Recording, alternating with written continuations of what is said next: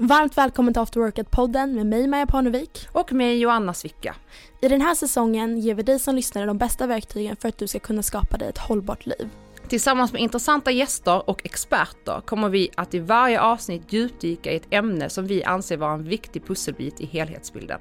I dagens avsnitt har vi bjudit in Jimmy Kärnlund som jobbar som holistisk livscoach där han vägleder sina klienter till att leva sitt sanna liv, såväl privat som på arbetet. Idag kommer vi bland annat att prata om hur man skapar en strategiplan utifrån sin egen vilja utan att falla för samhällets normer. Jimmy delar även med sig av sin livsfilosofi och ger konkreta tips så du kan bli bättre på att följa din egna intuition.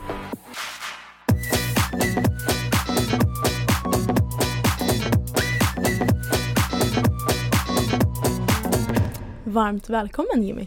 Tack så du ha. Hur mår du? Jag mår jättebra. Ja, vi är så taggade på att eh, ha det här. Nej, men jag, jag har varit väldigt taggad på det här. Eh, för att jag, alltså efter jag lyssnade, jag har ju lyssnat på det i omgångar i olika mm. poddar. Men efter eh, Framgångspodden eh, så var jag så här, okej, okay, men jag måste kontakta honom. Och sen när, när vi började diskutera det, att eh, vi skulle ha med det i podden, så tänkte jag, nej men jag tar och haffar honom när han är här. eh, sen, ja, men att jag vill börja gå hos dig men du var inte svarat på det här om du inte, jag sa att du inte har tid eller liknande. Men eh, det, det kommer komma en fråga om mig sen ja. efter podden. Och nu vart jag så här lite, så tänker jag så här, så jag, jag har ju kvinnor och män mellan mm. typ 15 och 60. Mm. Jag blir lite så här orolig hur du menar med haffa. Jaha! uh, det, det, kan vara lugnt, jag är snart ja. en gift kvinna. Ja, uh, uh, ja. Så, det, ja, det ja. så det blir inga hångel alltså? Nej det blir ingen hångel, inte den här gången. Bra, då blir Laban glad. Ja. Han bara pju! Ja. Uh. Men Jimmy, berätta lite mer om dig själv. Vem är du? Ja, vem är jag? Det är en bra fråga. Ja. om vi ska dela upp det i delar då. Jag, jag har ju en del, liksom mina tankar. Mm. Så vad jag går runt och tänker på för nu, i nuet. Det kan man ju säga, på ett sätt är det ju inte jag, men man skulle kunna definiera att det jag går och tänker på kan man identifiera sig med. Och eh, sen kan jag gå runt och fundera på hur jag känner. Och då skulle jag kunna definiera mig som en annan person. Och sen så kan man ju definiera sig som själen. Alltså det som finns, det som observerar livet, det som finns bakom känslor och tankar och den här kroppen som jag sitter i. Så att jag är väl lite olika beroende på vilken dag det är. Men min strävan är väl att jag ska vara i min själ eller mitt medvetande. Mm. Uh, och den form jag är i då, det är ju en man. Jag är 52 år. Uh, så att jag brukar se det så att jag har, min själ är i en form av en man. Mm. Uh, och sen så försöker jag göra ett uttryck. Alltså vad försöker jag, vem, vem vill jag, jag på säga exponera, men vem vill jag uttrycka, hur vill jag uttrycka den här själen? Och på något sätt där, det är väl det jag blir så att säga, i stunden. Exakt. Om det där gick att förstå. Ja. Mm. mm. Nu vart det väldigt filosofiskt. Ja. ja. Men jag, jag, tycker att det är så svårt. Vem är du? Mm. Jag skulle kunna svara ja, Jimmy 52 år. Mm. Ja, vem är det då? Mm. Ja, men då låter det som att det bara är en man. Ja, men ett skal. Liksom. Ja, exakt. Ja. Uh, och jag tror väl det som gör att man, jag och många andra tror jag upplever en viss tomhet. att Vem är du? Mm. Och, och uh, ja. Det kanske inte alltid man vill vara. Nej. Nej.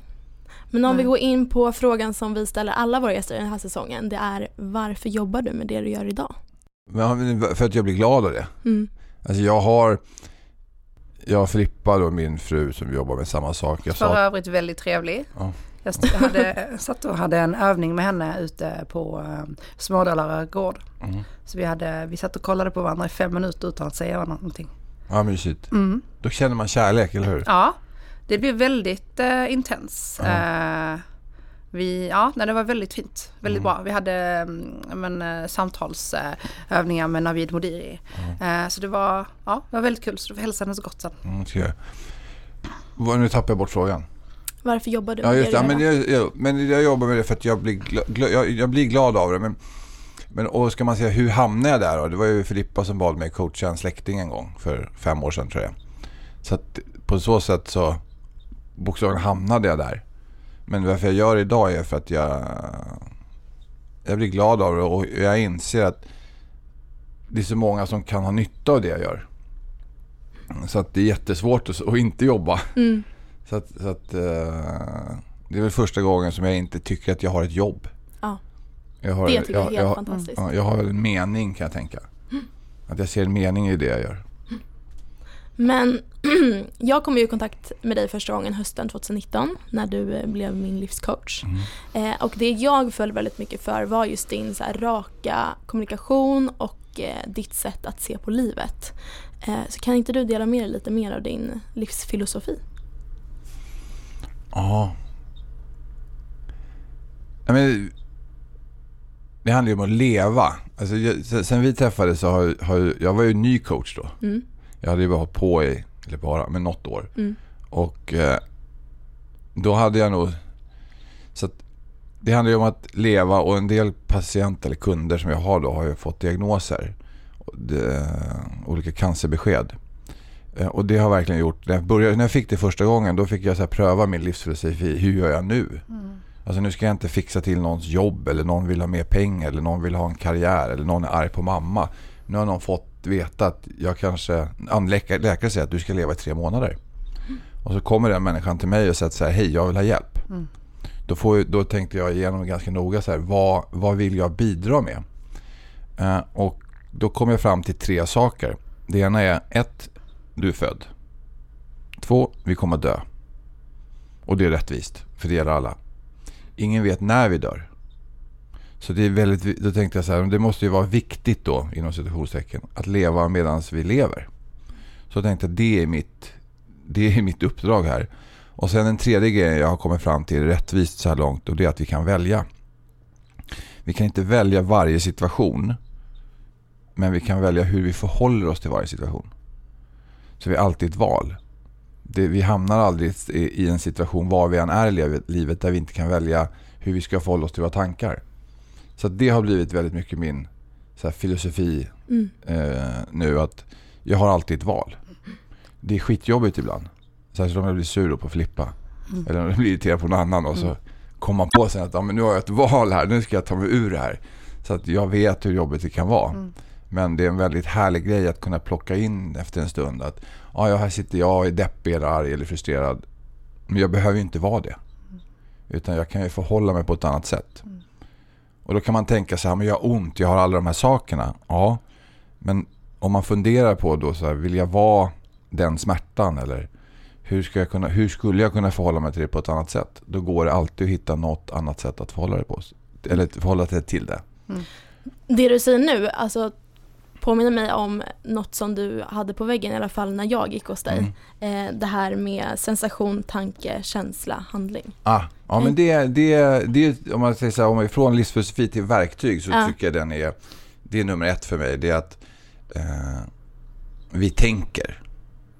Varför tänker vi? Ja, vi tänker för att vi har ett språk. Jag fick en jättebra fråga av en, en lyssnare på vår podd att ja, men om, man, om, man har, om man är döv eller stum.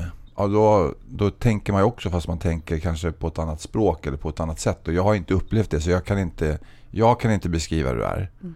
Men de jag har pratat med efteråt som kan lite mer om det, de beskriver att det finns ett annat språk där. Så språket är ju helt avgörande för hur vi tänker. Och även hur vi tillåter oss att programmeras, alltså den information vi får in, är också väldigt avgörande för vilka tankar vi har. Så att om jag tittar på komedi så är risken att jag skrattar hög. Om jag tittar på skräck så är sannolikheten hög att jag blir rädd. Så där har vi då att det vi föder vår hjärna med, det blir våra tankar. Tankar kommer alltid leda till känslor. Eh, det kan vara lite jobbigt ibland. Mm. För att om man då känner att det är obehagligt eller någonting, då har vi tänkt saker som har satt oss i den situationen. Det är alltså vi är ansvariga för våra känslor. Och sen kommer kombinationen av tankar och känslor, det kommer att bli våra actions. Alltså det vi, som vi beter oss. Jag har mm. panikångest ibland. Uh, väldigt sällan nu, mer för. Och då, nu är det ju knepigt när den kommer för jag vet inte riktigt hur jag ska förhålla mig till det. För jag vet, när jag satt med den här situationen, äg den. Och då får man verkligen jobba då med så här, hur har jag tänkt? Hur känner jag? Och vilka handlingar gör jag?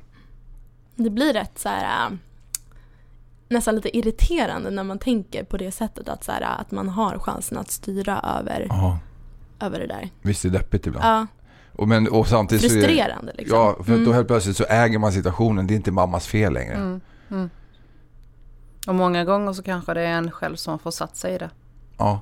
Och då och går vi lite djupare där så är det att då har vi ju, om man tar klassisk psykologi då så har vi självkänsla och självförtroende och då har vi ju fått upplevelsen av att vi inte duger. Mm. Vi har en massa ord och fraser i förhållande till situationer vi sätter oss i. Där vi har redan förutbestämt att jag är dålig eller jag duger inte, jag är inte tillräckligt snygg. Jag borde vara, jag vill vara basketspelare, då ska man vara 2,7 2,07 lång. Eller Mm. eh, fotboll så de flesta är väldigt, är lite kortare där och är väldigt bra för balanspunkten är lägre. Så då är, och där kan vi hålla på då ha stories i vårt huvud som vi går till. Eh, som gör att vi inte känner oss tillräckligt bra eller något sånt. Men om man tar med sig det du säger nu och för över det lite mer på så här strategiplan och sånt där. Eh, för det här beskriver väldigt mycket av hur vi påverkas av normer. Mm. Eh, hur skulle du säga att man så här, bäst kan skala av det och verkligen bara så här, äh, följa sin egen väg? Ja, och då, då, då ska man gå tillbaka med tanke och känsla. För att känslorna är ju en, en riktning, en vägledning. Det känns bra. Till exempel eh, skrattar man åt någonting så är det ju en bra känsla. Eh, oftast. Eh, och om man tänker vissa saker att jag skulle vilja bli frisör eller jag vill ha ett eget företag eller någonting. Då, kan man, då kommer kroppen direkt och börja prata till en. Och då, då i början så kommer man kanske inte veta vad som är sant och falskt därför att vi reagerar på kanske tidigare erfarenheter eller vi reagerar på rädslor. Men successivt när man utmanar sig själv och verkligen funderar på vad blir jag glad av? Så kommer livet vägleda en lite. Och det andra är, tycker jag är att vad är jag bra på? Och då, alla är bra på olika saker. Och ta reda på vad är jag bra på? Får jag bra stämning? Eh, har jag tålamod? Eh, är jag rolig? Eh, är jag disciplinerad? Om man är lite, kanske lite mer tillbakadragen, okej vad är det för kvalitet i det då? För det finns ju kvaliteter i allting för olika typer av jobb. Men om, om man skulle säga så här att eh, vi tar ett exempel på en person som är väldigt tillbakadragen, blyg, inte tar så mycket plats. Skulle den personen kunna bli föreläsare? Om Absolut. det nu är en kvalitet som man inte är så bra på. Om man ska gå efter vad man vill, inte vad man är bra på. Ja, men det, ja, det tror jag. Ja. Eh, mycket av dra, dramati, dramatologi handlar ju om att vara tyst. Ja. Att kanske inte prata för mycket. Mm. Så att det beror lite på, då får man ju titta på utifrån mina förutsättningar. Mm. Hur skulle jag kunna fånga en publik? Och vad är det för typ av ämne jag kan prata om? Mm. Och eh, om man, nu, om man nu upplever att man är blyg eh, och lite tillbakadragen, då kanske det är en jättebra berättelse för andra som är i samma situation Mm. och som kanske då vill, skulle vilja prova på att vara lite modigare i det området. Mm.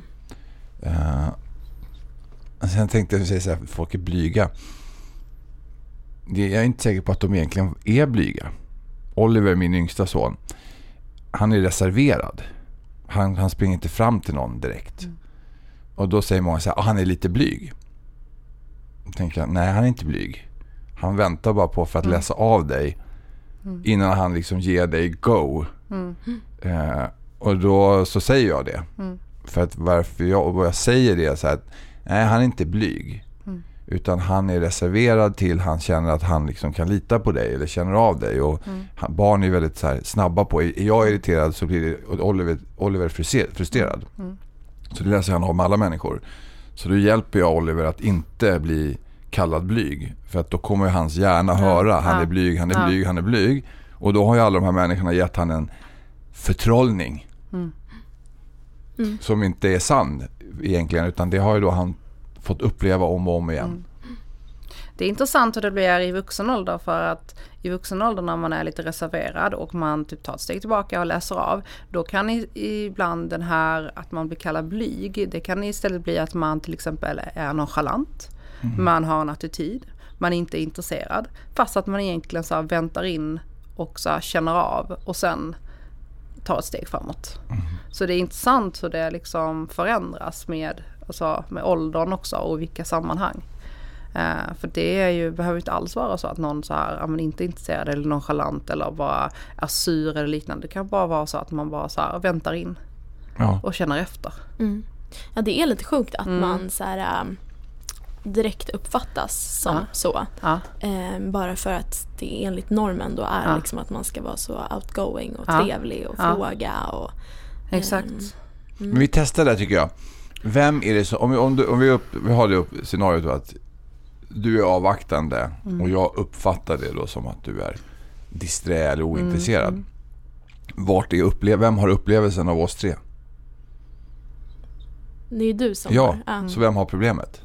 Ja, det är du. Jag. Mm. Mm. så att det här är också en, en grej man kan tänka på att det är, vi upplever sakerna själv. Så om jag känner att någon annan är irriterad, vem är det som är egentligen irriterad? Mm. Det är ju jag. Mm. Det är jag som känner irritationen. Mm. Och så försöker jag lägga den på dig, eller, dig, mm. eller, eller, eller mm. Filippa, eller mina mm. barn, eller mm. statsministern, eller vem det än är. Mm. Så är man så jättearg. Mm. Och jag kommer fram mer och mer till så här, varför ska man gå runt och vara arg på andra människor? Men hur gör du till exempel med Filippa om Filippa är så här jättearg och frustrerad hemma? Det händer aldrig. Nej, okej då. Men vi säger om det skulle vara så då. Hur, Nej, hur men... gör du då? Det, beror, det, är, det är tillbaka, det beror på vilket sinnesstämning jag är i. Ja. Så att om jag är chill, då, kan jag liksom, då har jag lätt för att acceptera det. Ja.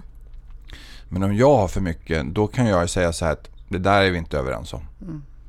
Eller varför, vad är, varför gör du så här? Vad, vad vill du? Vad är det bakom? Gå ut och gå eller? Mm. Så det blir lite olika. Mm.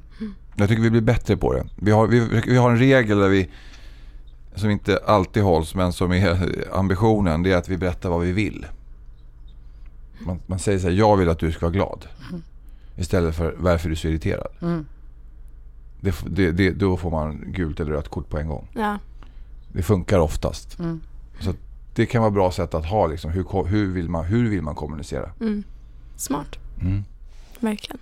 Men vad skulle du säga är skillnaden mellan en livscoach och en psykolog? Ja, det är en bra fråga. Eh, psyko en psykolog har på ett sätt mer förhållningsregler tror jag. Mm. De har ju gått en, en, eh, en utbildning där man säger exakt hur man ska förhålla sig. Mm. Tror jag. Mm. Jag har ju inte gått en psykologutbildning så jag vet inte men jag mm. tror det. Och så tror jag att de är mer inlyssnande. Det betyder inte att jag inte lyssnar men de är mer inlyssnande och, och låter kunden, patienten, klienten prata och sen så ställer de lite småfrågor. Jag försöker lista ut dels vad du vill och sen så vad som står i vägen för det du vill. Och sen så använder jag ju KBT-metoder, eh, delpersonlighetsmetoder, eh, olika böcker, egen livserfarenheter. Så jag kan ju, jag kan ju, jag kan ju vara mer fri, mm, tror jag. Mm. Jag tror jag kan vara mer fri för jag har ingen, inget som binder mig. Men jag är också väldigt noga med att säga att jag är inte läkare, jag är inte psykolog. Jag är inte liksom medicinskt klassiskt utbildad. Men däremot så jobbar jag, jag väljer att jobba med läkare olika typer av psykologer om jag upplever att jag har ett problem som jag inte kan hantera. Mm. Eller inte jag inte har problem, det är en frågeställning som jag är osäker på. Till exempel om någon äter medicin. Då har jag ingen medicinsk kunskap. Jag har begränsad medicinsk kunskap. Då tar jag hjälp av det. Mm. Så jag känner mig väldigt fri där. Mm. Uh, och det är må väldigt målinriktat. Ja det skulle jag också säga är den största skillnaden. Alltså, mm. Jag har ju gått till dig då och sen så massa olika psykologer. Och hos psykologer är det väldigt så här, man ska grotta ner sig i det förflutna väldigt mycket. Um, vilket du också gjorde till viss del men det är mer liksom så här, vart är vi här och nu och vad är det som just nu hindrar dig från att ta dig framåt. Mm. Um, tycker psykolog är väldigt så här, vad som hände när man var fem och man ska liksom lite så här, älta det för att kunna gå vidare. Och då tänker jag, och, och, om, då har ju de förmodligen en utbildning att det är så. Mm. Deras verktyg ja. är där. Ja, för jag brukar tänka att, det, att man har som sagt två olika verktygslådor. Mm. Och som ser olika ut.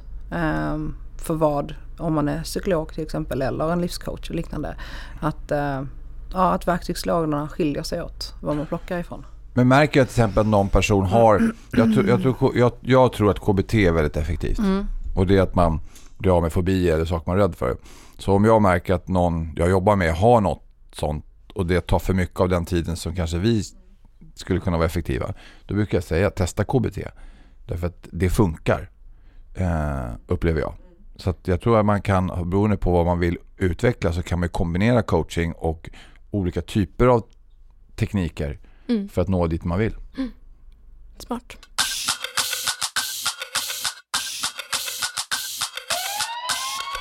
Hur tror du utifrån din verktygslåda och din erfarenhet och din filosofi hur man hittar sitt sanna jag och hur man utvecklar det? Mm. Sanning är elastisk. Mm. Vilket betyder att sanningen förändras beroende på vilken kunskap du har eller vad du ser och gör.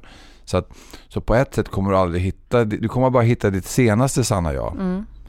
Uh, och på något sätt så är du redan där. Jag tror inte man behöver tänka att man ska vara någon annan än den man är. Och så kan man titta på lite så här, men nu är jag så här. Är det någonting jag skulle vilja förändra? Okej, okay, då kan man förändra de små, sak, små, små, små steg. Men om man börjar döma eller så här, känna att ja, men jag är inte den jag vill vara. Mm. Om man tänker det i förlängningen, vad kommer man då? Vad blir det då? Jag är inte den jag vill vara. Leder till att jag inte är den jag vill vara. Jag gillar den jag är. Om man testar och säger så. Jag gillar den jag är. Jag skulle också vilja vara lite snabbare eller jag skulle, jag skulle vilja vara lite mer disciplinerad. Det skulle jag till att testa. Eller jag skulle vilja tjäna mer pengar eller träna mer eller ha fler relationer.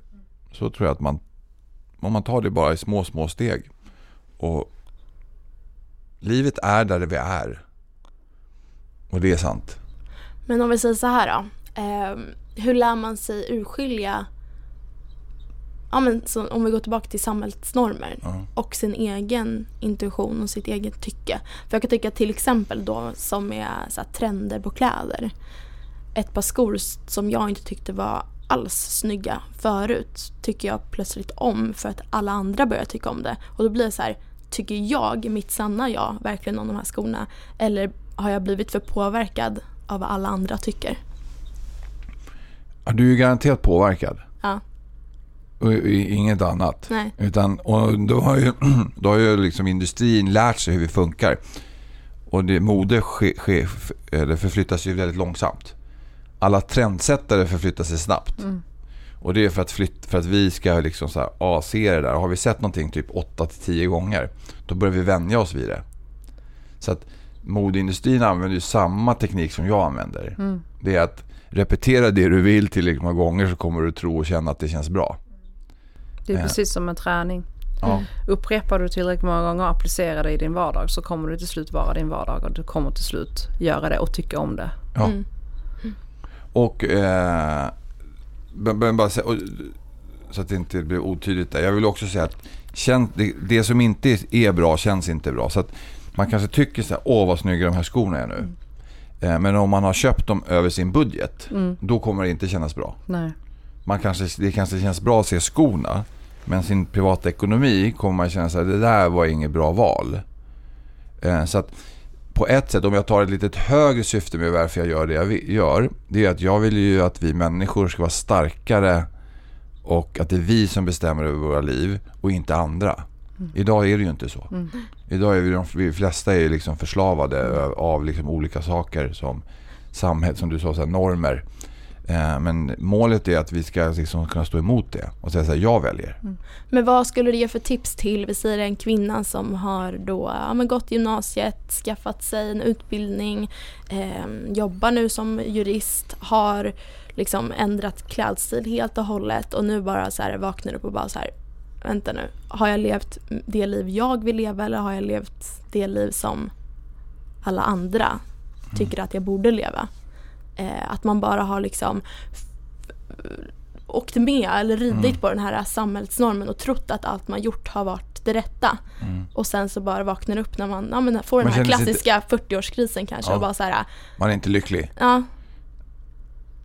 Ja, då, då, då, för det första då om man vill ha lite quick fix, det är att man börjar tänka på, att man börjar liksom se saker, tacksamhet tänker jag då. Att innan man, för det, det går inte så fort att byta garderob, det beror på hur mycket pengar man har tjänat då. Men att byta garderoben och byta alla tankar, det tar lite tid. Och jobb och allt det där. Så att, eh, det första är att leta tacksamhet. Så här, vad är jag tacksam för? Det som alla kan vara tacksamma som lyssnar på det här, det är att de lever. Mm. Det gör vi allihopa som hör det här. Vilket fall om vad jag tänker att, i vilket fall fysiskt. Eh, och sen så kan man ju då börja fundera lite på, och vad är det, ett, varför blev jag jurist? Ja, pappa jurist eller eh, jag varit arg på någonting när jag var liten, jag skulle förändra samhället med juridiken. Ja, men gör du det då? då? Och var det liksom en sund ilska eller frustration eller vilja du hade från början? Alltså vad är det som har tagit, ta, ta, ta reda på varför sitter jag här? Vilka val har jag gjort? Uh, och sen tror jag också att checka ut lite. Att börja liksom vara mer med sig själv. Många gillar att vara i naturen men man kan ju också bara sätta sig och åka buss eller tunnelbana själv när det är inte är så mycket folk där. Eller sätta sig på en parkbänk och vara med sig själv. För då kommer ditt inre kommer börja prata till dig. Så att svaren finns i dig. Så att ett, då, eh, tacksamhet. Två, ta reda lite på hur kommer det sig att jag sitter här? Vad är det för människor jag har blivit påverkad av eller vad är det för situationer? Mm. Och det tredje är eh, tystnad med dig själv. Checka ut och låt det liksom din egen röst mm. ge, ge den plats. Alltså det, det är ju någonting jag vill slå ett slag för. För att eh, alltså jag har ju då bestämt mig för att eh, vara mer med mig själv och eh, börja, alltså jag ska ju jag har dragit ner på jobbet eh, fram till mars eh, och kommer typ jobba 50% för att jag ska kunna göra just sådana här saker som att vara med mig själv eller eh, vakna upp eh, på morgonen och inte ha andan i halsen för allting jag måste göra utan så här vill jag gå en lång morgonpromenad och sen äta frukost i två timmar och sen sätta mig och skriva så ska jag göra det. För att nu har man, alltså nu har det varit så mycket och man är så splittrad så att jag vet inte ens var jag ska börja. Så det blir att jag inte börjar. För att jag är, alltså, och det, och där får jag ju frågan så här, men hur ska du hur ska du göra det? Hur kan du bara jobba 50%? Kommer du kunna klara det, hålla det? För alla vet att jag så här, inte är en person som gör saker på 50% utan jag är 100%. Och där har jag bara sagt så här, ja men jag måste bara. Alltså det finns, jag har inget val, jag måste göra någonting för att det ska bli Alltså jag måste ju. Ja, men måste du? Ja, jag måste göra en förändring. Måste du det? Ja, jag behöver det. Eller vill du det? Ja, jag vill ju också. Så den tror jag är nyckeln. Ja, ja. Att, att ett, man tänker måste och, mm. och krav mm, mm. och så går man bort och säger så här, ja men jag vill. Mm. Och sen när vi hittar vårt vill, mm. då finns det måsten. Mm. För att nå dit. Nej men jag vill, jag har ju känt det länge att jag vill. Ja. För att så här, också kunna ha det här att Ja, men nu fick jag frågan bara så, men du kan låna mitt hus i fjällen i tre dagar om du vill komma upp och skriva. Innan har det varit så här, gud jag vill, men hur fan, när, jag vet inte när jag ska ta tre dagar. Hur ska jag, för jag har inspelningar och jag har det här och det här och det här. Och nu var jag så här, låt mig bara kolla min kalender. Ja, nej men det går faktiskt för hela den här veckan är fri. Jag kan. Och bara det att jag kan gjorde mig alltså typ upprymd på ett sätt som jag inte har känt på länge. För att... Men är det möjligt att inte leva sitt liv 100%? Jag tror inte man kan leva sitt liv 100% alltid. Så vems liv lever du när du inte... Jag tror att jag jobbar mot att, jag le att leva mitt liv till 100% men jag tror inte man kan eh, alltid för det är inte alltid man mår 100%. Och jag är ju fine med det. Vad jag tänker är att vi är alltid 100%. Mm. Alltså när, mm. när jag hörde dig beskriva det där mm. Då sa du så här, omgivningen frågade dig så här, kan du göra någonting 50%? Mm. Mm. Och då tänkte jag så här, ja men det var en rolig definition. Mm. 100% nu är ju att vara ledig, alltså att vara mm. med dig själv 50% och sen så jobba 50%. Mm. Det blev ju 100%. Mm. Så det är fortfarande 100%. Mm. Så att genom att omgivningen då tänker att, ja men du kan ju inte vara lugn. Mm. Då, det blir också sån en, en spell på dig att omgivningen definierar ju vem vi är mm. åt oss. Så att mm. våran självkänsla mm. påverkas ju. Om jag säger så här, jag tror du klarar det där. Mm. Eller jag vet det. Mm. Och nu skojar jag inte, utan jag vet att du mm. klarar det. Hur känns det? Men det känns bra. Ja, men jag ska säga så här, ja, men med ditt beteende så kommer det där inte funka. Ja, men då blir jag lack. Ja. Och hur, så att jag kan ju hjälpa dig att nå det du vill. Så alla de som ifrågasätter dig då, nu ska inte jag skapa något drama här, men men det får du gärna göra. Vad gör de egentligen? Eller hur? Ja. Så varför ifrågasätter vi andra människor? Varför kan inte människor få göra det de vill? Mm. Mm. Ta politiken. Mm. Jag, jag, jag har massa bestämda uppfattningar. Mm. Men så satt jag och kollade på sån här partiledardebatt och så tänkte jag så här. Men varför Jim, tänker inte du att alla är värda att bli statsminister? Och så tänkte jag, så reflekterade en stund och tänkte så här, ja, men jag delar inte allas uppfattning. Ja, men betyder det att de här männen och kvinnorna inte har rätten att ha sin dröm och mm. uppleva sin dröm? Jo, det är klart de har. Alltså alla nio eller hur många de var som stod där. Ah, shit liksom. Det var så här, lite, det var en liten utmaning för mig att tänka mm. att alla har rätten att bli statsministrar. Oavsett vad jag tycker. Mm. För det är det som är deras dröm. Mm. Och så dömer jag dem då utifrån uppfattningar jag har, vad jag tycker är bäst. Mm. Och jag så här, nej hon eller han får inte vara det. Nej. För det, det lirar inte med hur jag tycker. Mm. Och då eh, tänkte jag så här, äh, nu får du skärpa dig liksom. Alla de här är ju faktiskt värda. Mm. Men sen så delar jag tvås. Jag delar inte allas värderingar. Men jag, jag delar allas dröm. Mm. Så det var bara så här, vad märkligt det blev för mig då. Mm. mm. Eh, och så tror jag vi agerar ganska mm. mycket. Att vi, vi går och liksom så här, åh, ah, inte kan hon eller varför den här. Sluta med det. Mm. För det enda det gör det är att vi mår dåligt av det mm. och begränsar oss. Mm. Plus att vi då begränsar den här människans möjlighet. Mm. Så att hur vi tänker om människor påverkar.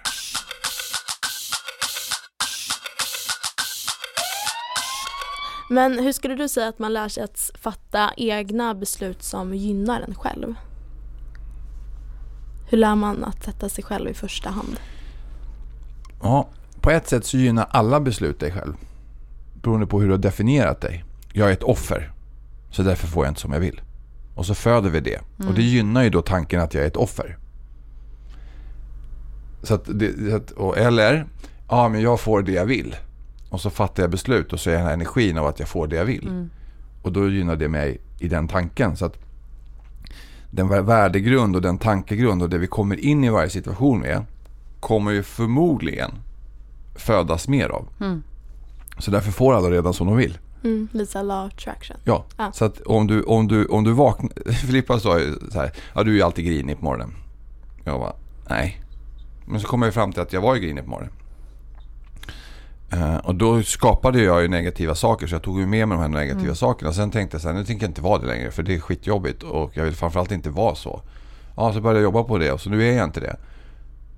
Men skulle jag vakna irriterad av någon orsak, då går det ganska fort, du sa med träningen att har man börjat köra så mm, kör man. Mm. Så då säger min hjärna till mig så här, hej det är något som är fel. Mm. Jag bara, jaha, vad är det som är fel då? Du är negativ.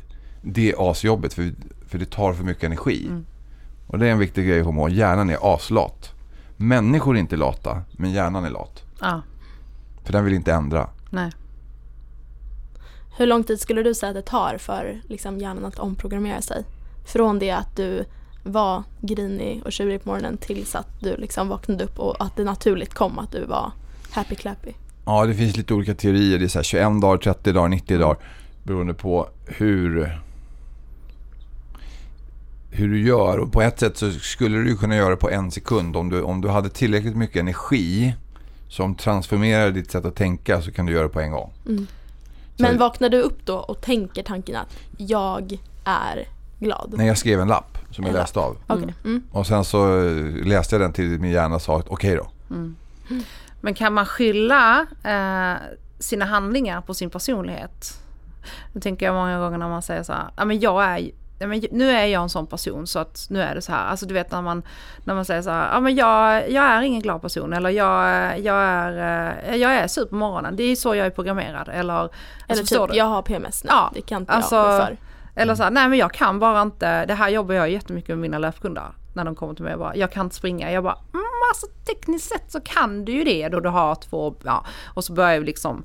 Men när man så här intalat sig länge till att, ja men jag är, det här är min personlighet så det är så det är. Det, vill jag, jag, det låter som att personen inte vill ta ansvar. Mm. Mm. Så enkelt är det. Ja. Så får man gilla det eller inte. Du tar inte ansvar om du går och tänker att du inte kan. Mm. Ja, jag håller med dig. Men skulle du säga att det är okej att vara grinig på morgonen? Om man vill det. Ja. Det är väl okej. Liksom. Men jag, vill, jag, jag fattar inte att Filippa eller mitt ex ville leva med mig. Nej. Ja, men det, det är inte ja. nice. Nej. Men det är klart det är okej. Folk går ju omkring och griner hela dagen. Ja. För det har vi också fått frågor om. Typ så här, att eh, det är ju lite så här att man, om man är ledsen, irriterad, arg, att man alltid ska hitta åtgärder för att få bort den känslan. Att den inte riktigt får tränga sig fram. Utan det ska alltid vara så här, om du är ledsen en dag, här är tio knep för att, som får dig glad. Men jag tror, så, är det inte viktigt också att få ut de känslorna ibland? Mm. Jag, skulle, jag, jag håller med, att, men jag skulle säga att man ska uppleva känslan. För den har, en, den har, en, den har en, liksom ett budskap till mm. dig. Mm. Så att är du arg, var arg men du kanske inte ska utåtagera. Du kan känna den här ilskan och så låta den bara se så okej okay, hur länge kommer jag känna den här ilskan nu då? Och kanske då, där tror jag att det är bra att då stänger man av omvärlden och är med sig själv där. Till exempel så här, om man är i en relation eller om man är, har föräldrar som man blir arg på eller en arbetssituation. Då kanske man ska bara gå in i ett rum och bara stanna där eller vara ute själv och bara så här. Okej, okay, kom igen nu ilskan. Nu kör vi. Mm. Och så låta den vibrera i kroppen. Och så snacka lite med den. Vad ska vi hitta på nu då? Vad vill du? Och, ja, jag, jag vill slå den där eller jag, jag vill riva sönder det där. Mm. Okej, okay. men om vi river sönder det eller slår på det där, vad händer då? Okej, okay, vill vi det där? Alltså så att man har en kommunikation, alltså man upplever det men också resonerar med sig själv om vad är det här för något? Mm. Som, som man gjorde i biblioteken på 1300-talet, då kunde man inte, jag var inte där, men de säger det att man kunde inte läsa tyst då. Mm. Så det och läste högt. Mm. Så jag uppmanar folk att tänka högt. Mm. Med sig själv. Viktigt. Ja, för då hör du liksom hur dumt det låter eller hur bra det låter. Mm. Mm. Och det tror jag är viktigt att... Ja, viktigt och viktigt men du är inte dum. Men det du tänker kanske är dumt. Så jag har ju dumma tankar ibland. Men det betyder inte att Jimmy är dum. Och det där tycker jag är en väldigt fin effekt när, när man inser det. Att det är inget fel på mig. Men att man jag, inte är sina tankar. Ja. Mm. Men jag går och tänker jävligt dumt. Eller den där handlingen blev ju dum på grund av att jag tänkte och kände sådär. Det tycker jag är att ta ansvar. Mm. För sig själv. Mm. Att säga att, och då kan man ju be om ursäkt för den där handlingen. Men det, det är inte du, det, det, är inte den du är där bakom. Men du har ju ett ansvar för det, ja. Mm. Men det är inte du. Om man, ja, är ni med? Mm. Men kan man skylla ifrån sig på det där? Nej. Nej, man måste ta ansvar. Du får ta ansvar för, för det. Ja. ja. Men man behöver inte gå och liksom hänga läpp för att någonting hände. Nej. Det tjänar ju ingen på. Mm. Mm. Alla har rätt till förlåtelse mm. och förlåta sig själva. Det där skulle jag vilja fråga dig om. Hur man... Eh, vi säger att eh, Joanna nu har varit riktigt eh, taskig mot mig. Hur jag... Jag kan ju säga så här, men jag förlåter dig. Men hur kan jag alltså innerst inne förlåta henne för att jag hon... ska kunna gå vidare? Ja, men hur kan hon vara taskig mot dig? Men, ja, men om vi tar det så här då, till exempel eh, klassiskt eh, exempel om att ens partner varit otrogen ja. och det har sårat en väldigt innerligt. Ja. Liksom. Hur ska man kunna gå men, vidare och förlåta det? Men hur, hur blir du sårad om det händer? Hur menar du då? Ja men om vi säger så här. Ja, men... Vi tar tredje personen ja. så vi inte lägger någon spell på er där hemma. personen A är otrogen mot personen B. Ja. Mm. Personen B känner sig ledsen, sårad, sårad mm. besviken. Varför är personen B ledsen? Jag tror man har brutit det här äh, tvåsamheten. Ja, och om förväntan är att om överenskommelsen är att vi ligger inte med andra. Ja. Ja, då har man ju brutit någonting. Mm. Men nu har ju liksom A gjort det. Och då så är det klart att det finns en separation och man känner en besvikelse över att fan nu har du lämnat mig, det här var inte vad jag förväntade mm. mig. Mm. Så då tänker jag att så här, rent tekniskt så är det förväntan som du, som den här personen B då inte gillar. Men om man tänker så här att egentligen skulle man kanske kunna tänka sig att B tänker då så här, okej, okay, vill jag ha A nu? Eller har A förbrukat att leva med mig? Mm. Vill, jag, vill jag vara i den här situationen eller inte? Men om och, man ändå har kommit fram till att så här, äh, Man vill det? Ja, man vill ja, det. då är det bara att gå vidare. Men hur? Ja, ja, hur? Tekniskt sett, ja vi går vidare. Har man ja, men du, bara, du får bara fråga dig. Om du, om, du inte, om du tänker ta med dig den där skiten framåt. Ja. Hur bra blir det då? Men det är ju Det är lite samma sak, så här, låt säga så här, ni gör slut och så eh, kommer du då, nu är du singel och ska du träffa nya, men i, i varje ny relation så tar du med dig dåtiden till framtiden. Så att du kommer aldrig ge den nya killen eller tjejen du träffar, eh, för att du kommer alltid belasta den personen med ditt ex för du kommer tro att den kommer såra dig. Så du, du, får ju aldrig en riktig chans. Den här nya personen får ju aldrig en riktig chans. Och då, så tänker jag att det blir i framtiden om man är kvar med den personen och bestämmer sig så här att ja men nu ska vi, vi ska köra, jag har förlåtit, vi, vi stryker ett streck. Men om man alltid då drar upp det vid varje nytt bråk eller diskussion och bara då, då kommer man, då stampar ju bara. Det är destruktivt. Ja, men Alltså jag, jag är helt med på resonemanget. Jag tror... Och jag har aldrig upplevt det där alltså själv. Men eh, Jag eh, undrar bara hur man alltså, beslut. innerligt alltså, förlåter någon. Det, alltså jag brukar tänka att antingen lever man i förnekelse ja. eh, eller så lever man i, i, i stadium där man vill förstå. Mm. Och sen går man in i nästa stadie acceptans och sen går man in i förlå förlåtelsestadiet. Och när det är gjort så har man ökat sin medvetenhet. Mm. Eh, kan andra människor ha attraktion till andra människor? Ja. ja. ja. Okej, okay, så alla som har en partner kan då tänka sig att den här människan kan ha en attraktion till en annan människa? Ja. Okej, okay, bra. Är det okej? Okay? Ja. ja. Och sen så om jag och min partner inte har det så bra på alla plan så kanske det händer något mer. Och då behöver man ju förstå det. Vad var det som gjorde att det här hände liksom? Mm. okej, okay, den här personen har ett beteende, en vilja, en önskan, en situation som den gjorde någonting som inte alls var överenskommet igår. Men nu hände det. Och då får man gå igenom de här stegen och se så här, vad... Att inte gå till förlåtelse är ju bara dumt. För då kommer du lida om du har blivit utsatt. Du har blivit personligt utsatt för en situation du inte ville ha. Och där får du ju fatta ditt beslut. Vill jag vara kvar i situationen där det här har hänt och där det då förmodligen kan hända igen. För det har hänt en gång, så kan det hända två gånger. Och då får man ju bara resonera med sig själv. Vad, vad, hur vill jag ha det? Och sen besluta av det och sen gå vidare. För du kan inte påverka det som har varit. Men sen så kommer det vara så att man inte gillar det då. Många säger ja ah, men vad fan varför var det sådär och det där var mot mig och man tar det väldigt personligt. Men det handlade egentligen inte om dig. Det handlade om vad den här personen valde att göra. Och vad dens situation var förutsättningar var. Så att jag tror det handlar om att försöka förstå den andra och sen förstå vad man själv vill. Eh, och eh, i det här med relationer. Jag, jag, har ju stött på personer som, le, som lever i öppna relationer. Eh, och eh, där har du ju inte det där problemet. Nej. Därför där är du fri. Mm. Men om du ska äga din partner. Då då blir den här konflikten när det uppstår väldigt stor. Vilket jag inte lägger någon värdering på om det är rätt eller fel. Utan det blir bara liksom komplicerat om man försöker äga den andra. Mm. Eh, så att ju mer fri du kan vara och ha tydliga värderingar av vad som är rätt och fel för dig. Så är det enklare att agera. Om du inte accepterar en otrohet, gör slut. Det är inte så mycket att diskutera då tycker jag. Om, om du inte vill leva i en situation där det händer. Då är det bara att bryta. Mm. Och så får man ha sorg över att man för det kommer vara sorgligt att bryta relationer. Ja. Men om du väljer att vara kvar, var kvar. Men hantera då situationen på ett sätt som är sunt. Jag skulle ändra din formulering. Jag tror inte vad som heter inte att man äger varandra utan att man väljer varandra. Ja, precis. Mm. Och av någon orsak då så är det någons person som eh, väljer att kanske bryta ett commitment. Mm.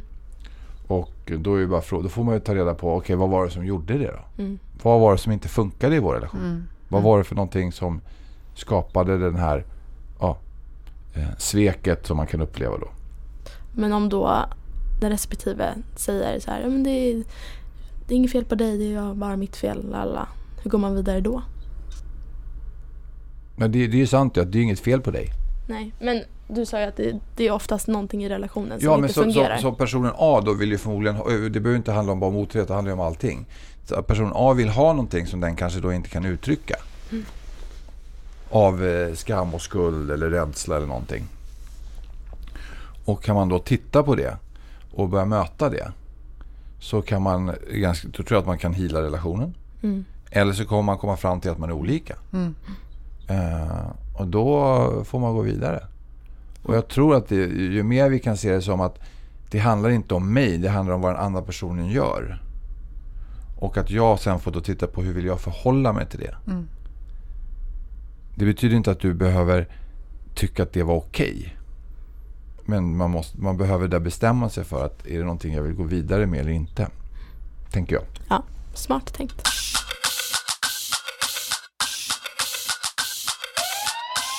Om vi byter ämne så är jag lite intresserad av att veta vad är det största misstaget som du ser hos dina klienter som folk gör i sin vardag? Eller vad, vad går folk miste om? Vad missar de? Ja, men vi, vi går och skapar liksom situationer i huvudet som inte existerar. Mm. Alltså vi går och antar liksom massa saker och så har vi så här det som har varit, det förflutna och framtiden. Där går vi liksom och spenderar den största tiden istället för att vara i det som är. Tänker jag. Mm. Och skapa scenarion då eller? Ja, som ja men vi, precis. Vi, vi tar med oss det. Vi går och lever i att vi är irriterade på det som hände förut. Eller så går vi och irriterar oss på att det kan hända i framtiden. Jag vet inte om det var tydligt. Jo. Att, att man, man, eh, man pratar ju om att leva i nuet och att vara i nuet det handlar ju om att här, jag sitter här med er nu. Mm. mm. Och det är klart att det kan komma upp tankar så här. Åh, när är min nästa session? Vad är klockan? Mm. en, en mikrosekund. Eller, mm. åh ja, just det, det där måste jag göra. Uh, och det är naturligt. För hjärnan tänker så många tankar varje dag. Men då ska den gå tillbaka och vara där du är. Mm. Och då försvinner liksom nästan alla problem. Men det här, vi har fått in en lyssnarfråga som är så här. Hur kan man bäst balansera att drömma och jobba för sina mål men samtidigt vara nöjd och leva i nuet? Det här med att ha tankarna väldigt mycket mm. framåt men samtidigt men, också njuta av att vara i nuet. Ja, för är det inte en vanlig föreställning att, att, att varför man har höga uppsatta mål, att man jobbar mot någonting så är det precis som att man inte är nöjd med det man har eller att man eh, liksom, jag vill inte säga flyr från det man har men att man så här vill framåt och jag tror ju många gånger att jag kan ju vara skitnöjd med det jag har men jag kan också vilja ha mer. Ja. Mm. Och jag, så här, det vet jag att du och jag fick jobba väldigt mycket på um, att det här är att man har väldigt mycket tankar i framtiden så att när man har nått sitt mål som man har länge jobbat för så är man kanske inte ens tacksam för det för att man har redan fokus på nästa. Mm. Um, en typisk Ironman blues. Uh, ja, den är lite knepig den där för att, att, att skapa, alltså framtiden skapas ju i våra tankar. Uh, och så ska man vara i nuet. Så att, att vara här. Så jag tänker att det är lite, så här, lite man har lite olika arbetsuppgifter. Man får dela in dagen i lite olika grejer. Att nu sitter jag här så då kan jag inte sitta... Det blir knepigt då om jag börjar fundera på hur, jag, hur min hjärna ska 3D-printa min framtid. Om man vet vad en 3D-printer är. Alltså mm. att det, liksom den, den bara skapar liksom det som är som en kopiator ungefär. Eh, och så tänker jag att det är att hjärnan 3D-printar ditt liv. Mm. Eh, och nu 3D-printar vi det här samtalet. Men eh, jag har ju idéer om vad jag vill. Jag har ju, jag har ju drömmar och mål där framåt. Och då har jag perioder under dagen där jag sitter och eh, liksom stoppar in den här ritningen. Mm. Först ritar jag arkitektritningen då så här. Så här ska det se ut. Väldigt detaljerat. På, på väldigt hög detaljerad nivå. Mm. Jag, jag har en vattenskoter och den, den liksom visste jag redan innan jag köpte den hur den såg ut. Och det var ganska långt innan jag hade satt upp då. Ja, men då vill jag ha den. Eh, och så 3D-printar jag den i mina tankar. Eh, och samma sak i mitt, mitt coachingjobb och hur jag gör det där. Jag, jag, jag bestämmer hur jag vill ha det. Mm. Och sen så börjar min, min kreation i olika tillfällen då skapa det. Så att jag har avsatt tid då jag eh, printar mitt liv. Mm. Och sen så har jag avsatt tid då jag har coaching session och då, har jag, då är jag där. Mm. Eh, och sen så om jag är med Oliver så är, är jag där i nuet. Liksom. Ja, sen har jag problem ibland också. Så att, att, att vara på ett ställe. Utan min hjärna den eh, håller på med alla processer samtidigt. Och då får man jobba med disciplin och att, att flytta sin närvaro. Men om vi säger så här, när du väl fick din skoter. Ja. Då hade du redan tankarna på att ditt nya hus som du vill ha. Hur, mm. hur lär du dig att vara tacksam för att så här, fan vad bra jobbat. Nu har jag den där skoten som jag började skissa på som blev mm. en 3D-printer i huvudet som nu är verklighet framför mig. Men jag har inte det där huset. Nej. Utan... Och om jag bara skaffar det här huset, då kommer jag vara komplett. Då kommer jag vara glad. Men sen när du har det där huset så tänker du, men om jag bara skaffar det här, det här eh, bilen till, då kommer det bli bra. Och så bara fortsätter det och sen så börjar man snegla på grannen och bara, men om jag bara har det som grannen mm. har, då kommer det bli bra. Ja men det här klassiska, alltså man har ju alltid hört det här om de här framgångsrika männen när de väl får sina miljarder in på kontot så blir det ett sånt antiklimax att så här, jag är inte komplett nu. Nej, men, ja, det, det, det, jag trodde att det var materia som skulle ge mig en del av min lycka. Eh, så jag hade ganska materiella tidiga mål. Eh, men jag lärde mig snabbt att det gav ju ingen tillfredsställelse alls. Utan det är resan. Mm. Mm. Alltså jag jobbar med en, en, ett, ett antal väldigt framgångsrika idrottspersoner. Och eh, vad jag upplever var, när jag lyssnar på deras beskrivningar, det är att när man vinner, det är själva i vinsten, då är det liksom wow. Då skriker man och gapar och hoppar och är jätteglad. Men när man får medaljen, mm. då är de ganska så här, då står alla så på OS och får sin OS-medalj. Så funderar man på varför de inte är glada för. Men det är ju dagen efter. Upplevelsen är is gone. Då är det tomhet. Så att när vi har uppnått vissa saker så kommer det tomhet. Varför kommer det tomhet? Jo, för att i tomrum så föds det kreativitet. Så att det är en process som är naturlig. Tomheten är en del av processen. För hur ska du kunna inreda ett rum om det redan är inrett? Det blir ju skitsvårt. Men om det är ett tomt rum, det är mycket enklare att, så att säga, sätta din prägel på det. Så det tycker jag är den ena grejen. Det andra är att om du inte har grejer du uppskattar, varför har du dem? Jag älskar liksom varenda pryl tror jag jag har nu för tiden. Jag har lite mycket prylar. Men eh, förut så bara låg de där och hade ingen mening. Men nu är det så här. Jag kan gå på ett landställe, på ett landställe och bara titta på en vinkel och bara titta, den här vinkeln är så jävla vacker. Mm. Och om jag inte gillar vinkeln då börjar jag fundera på så här, hur skulle, vad skulle jag kunna forma om här så att jag kommer kunna stå här och bara så jag går runt på landet ganska ofta. Framförallt på morgnar och kvällar när alla andra inte är där. Eller gör något annat, vilket sover oftast. Då går jag runt och bara tittar så här, vad vackert det är här. För det, det, då, då på något sätt connectar jag och ger tillbaks till att jag får vara på den platsen. Mm. Eller får mm. ha den saken. Men jag ger ingen annan betydelse. Mm. Och då, får jag, då får jag, har jag fått en mycket bättre förhållande till det. Uh, och uh, jag köpte mer kläder förut. Så nu, då kan det bli så att jag har gjort något bra för mig själv. Då kan det bara komma så här, nu går vi och shoppar. Mm. Och så kan jag liksom stå där utanför Dramaten.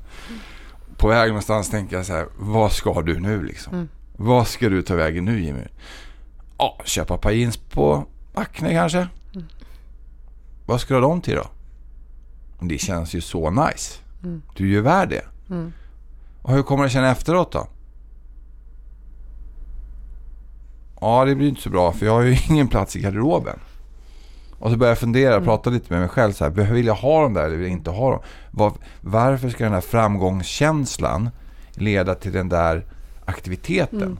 Jo, för det var det jag trodde att det var som så att säga belöningen.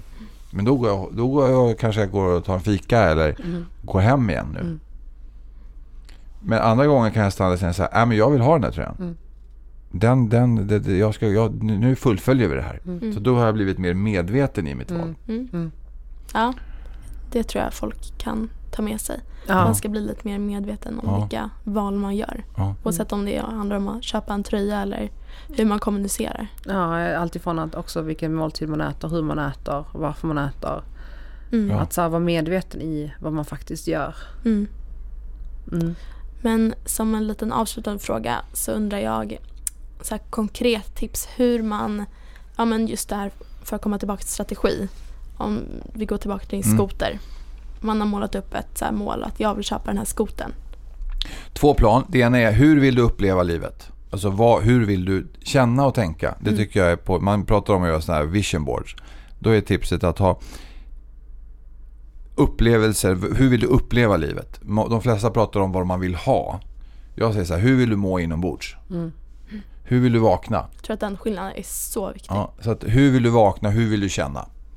Eh, och hur vill du tänka? Det gör man på en grej. Sen, kan, sen är det asnice att sätta upp så här. Ja, men jag skulle vilja bo så här. Mm. Så printa ut och gör det gärna fysiskt. Ha det inte digitalt. Utan printa, om det finns möjlighet, printa ut det.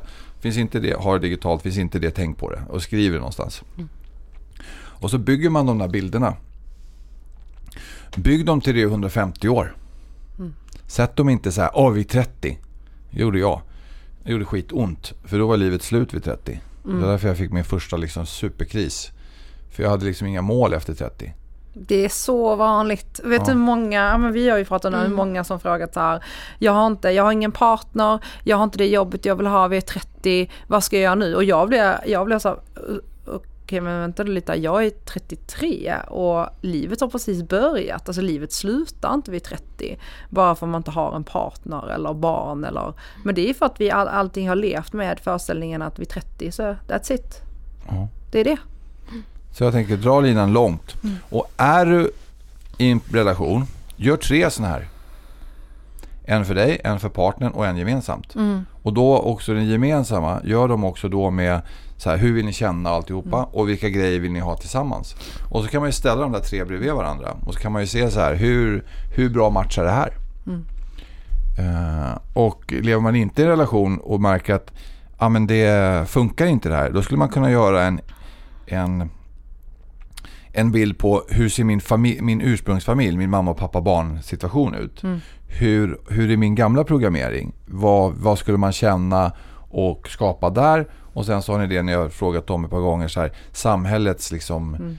normer. Och det kan man också göra en liten bild på. Så här, vad, vad är normen för mig som, jag, som den jag identifierar mig mm. som? Vad är normbilden för mig? Då får man också lite så här guidance över perspektiv. Perspektiv, ja. Mm. Och så kan man säga så här, och vem vill, och det här är häftiga, vem vill du vara? Mm. Det är upp till dig. Mm. Liksom, det är verkligen så. så här, mm. Vem vill du vara? Det är människans liksom coolaste, en av de coolaste grejerna med människor tycker jag. Det är att jag kan välja vem jag vill vara. Mm. Jag har varit entreprenör, jag har varit vd, jag har varit ägare, jag är coach, jag är liksom pappa. Jag är det, alltså, jag, alltså på skalan av att vara en skitstövel till att vara superhärlig, det har jag varit. Mm. Så att jag har testat på allt. Mm. Och, eh, Vem är du idag då? Idag är jag superhärlig. Just nu är jag superhärlig. Helt rätt. och sen, sen, får vi se vad jag är om fem minuter. Ja. Uh, och jag tror därför jag gillar att coacha är att jag faktiskt är en bra coach. Det är att jag har liksom, allt det vi har pratat om har jag gått igenom. Mm.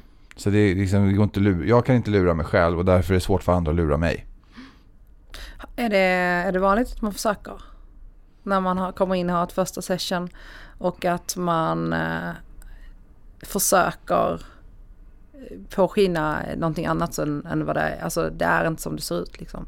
Försöker lura dig lite eller? Nej, det, det skulle jag inte säga. Det finns inget så uppenbart så här, mm. åh det här tänker jag inte berätta. Men det, det finns, man av, o, o, o, avsiktligt oavsiktligt underhåller man nog lite grejer. Mm. Uh, för man, jag tror att man inte känner sig bekväm med att berätta hur, hur weird man tänker. Eller mm. vad konstiga saker man har gjort. Men jag kan säga så här, jag har, det finns ingenting längre som jag kommer liksom så här, som människa döma någon för. Sen kan jag ju säga så här, ja, men det där var bra eller det där kanske inte var så, det där blev väl inget bra. Mm. Men det, det är liksom, även om det inte blir bra så det, det är okej, okay, det har hänt och liksom, det är mm. inget fel på dig för det. Utan låt oss se vad, vad gör vi med det här nu då. Mm. Mm. Och när folk landar i det, det, det som du sa, så här, att jag är väldigt direkt. Jag, har, jag försöker ta bort mina filter. Mm. Det är mycket enklare att leva då. Mm. Sen vill jag ju mm. uppenbart inte såra någon genom att säga något. Men ibland så är det bara rakt på. Så här, ja, det här ser jag. Mm. Vad tycker du om det? Mm. Det gillar jag. Jag gillar också det. Mm. Försöker leva mitt liv efter det. Även om jag och mina kanter har rundats en del genom åren. Mm. Eh, man kan ju fortfarande vara filterlös men med en finess och med mm. en medkänsla. Exakt. Tror jag. Ja, det är jätteviktigt. Alltså vara kärleksfull och omtänksam mm. och mm. som grund. Slutligen, vi brukar ju alltid ge våra lys- eller vår gäst en um, ordet ditt, liksom att hur du skulle vilja utmana våra lyssnare som de får ta med sig in i veckan. Um, så vad, uh, vad är din utmaning till de som har lyssnat idag? Det, ja, utmaningen är att du får inte tänka mer än tio negativa tankar om dig själv. Om dagen? Nej, på den här veckan. På veckan. Oj. Jag, sitter, jag sitter och räknar just nu. ja, okej. Okay. Nej, nej, det är nej, inte men alltså, Ja, men det var kanske tufft då, tio. Men att verkligen begränsa de negativa mm, mm tankarna mm, om dig själv. Och vad, vad, ska man göra om man får en negativ tanke? Så här, vi säger att man kommer till middagen så bara så här, fan jag är dålig på att laga mat. Vad, vad gör man när den då, tanken kommer upp? Eh, då ska man vända på den. Ja. Och säga så här, jag är bra på att laga mat. Och då kanske gärna säger så här, ja men det där vart inget bra. Nej men du har inte tränat, så vem är mm. bra när man inte har tränat mm. liksom? Du, är bra på, du kan laga mat, du är bra på det. Mm. Men du, du, du, för att det ska bli än bättre, för att det ska bli så bra det kan bli, så träna. Alltså så att man hittar sätt som man mm. kan vara mjuk och liksom hjälpa mm. sig själv. Mm. Att prata lite mer med sina tankar. Ja, precis. Bra, bra utmaning. Ja. Eh, Jimmy, vart hittar man dig om man är intresserad av? Ja, man hittar mig på om, jag ska, om man följer mig på Instagram där jag är superaktiv. Skämtar. Men vad hände där? Jag vet inte. Jag... Det var jättebra förut ja, med dina stories och dina ner. meditationer. Nu har du ja. inte uppdaterat på typ ett halvår. Jag vet, men man kan se att jag finns där ja. på Råklärare Jimmy. Mm. Jag coachar så mycket och har så fullt upp i mitt liv så att jag har liksom inte på riktigt inte haft inspiration.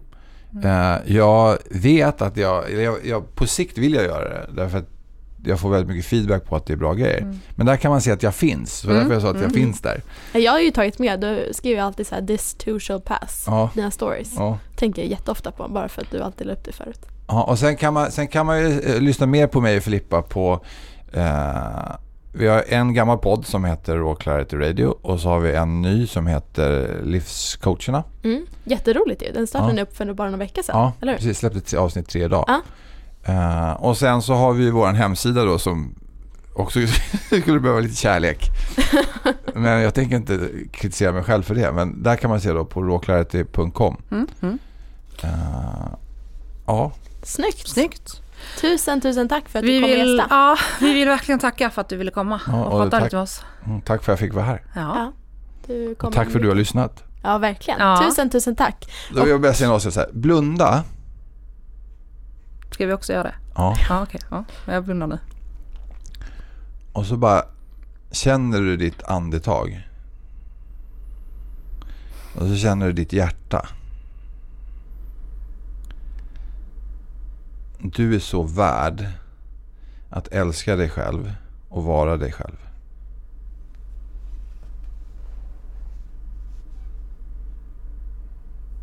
Och när du är redo kan du komma tillbaks. Fint. Bra. Det var ett bra avslut. Det behövde jag. Ja. Tack. Tack. tack. Tusen tack. tack. Eh, nästa vecka så gästar Åsa. Och då kommer vi prata mer om lite det vi pratade om idag, relationer och allt det där. Till sig själv men också till andra. Mm. Det kommer att vara ett bra avsnitt. Ja, verkligen. Det är, väldigt, det är väldigt tunga och känslosamma avsnitt nu. Mm. Uh, men jag tror vi alla behöver det. Ja. Vi har liksom varit och um, skapat lite på ytan på de första säsongerna. Uh, nu går vi djupare. Ja. Tack för att du lyssnat.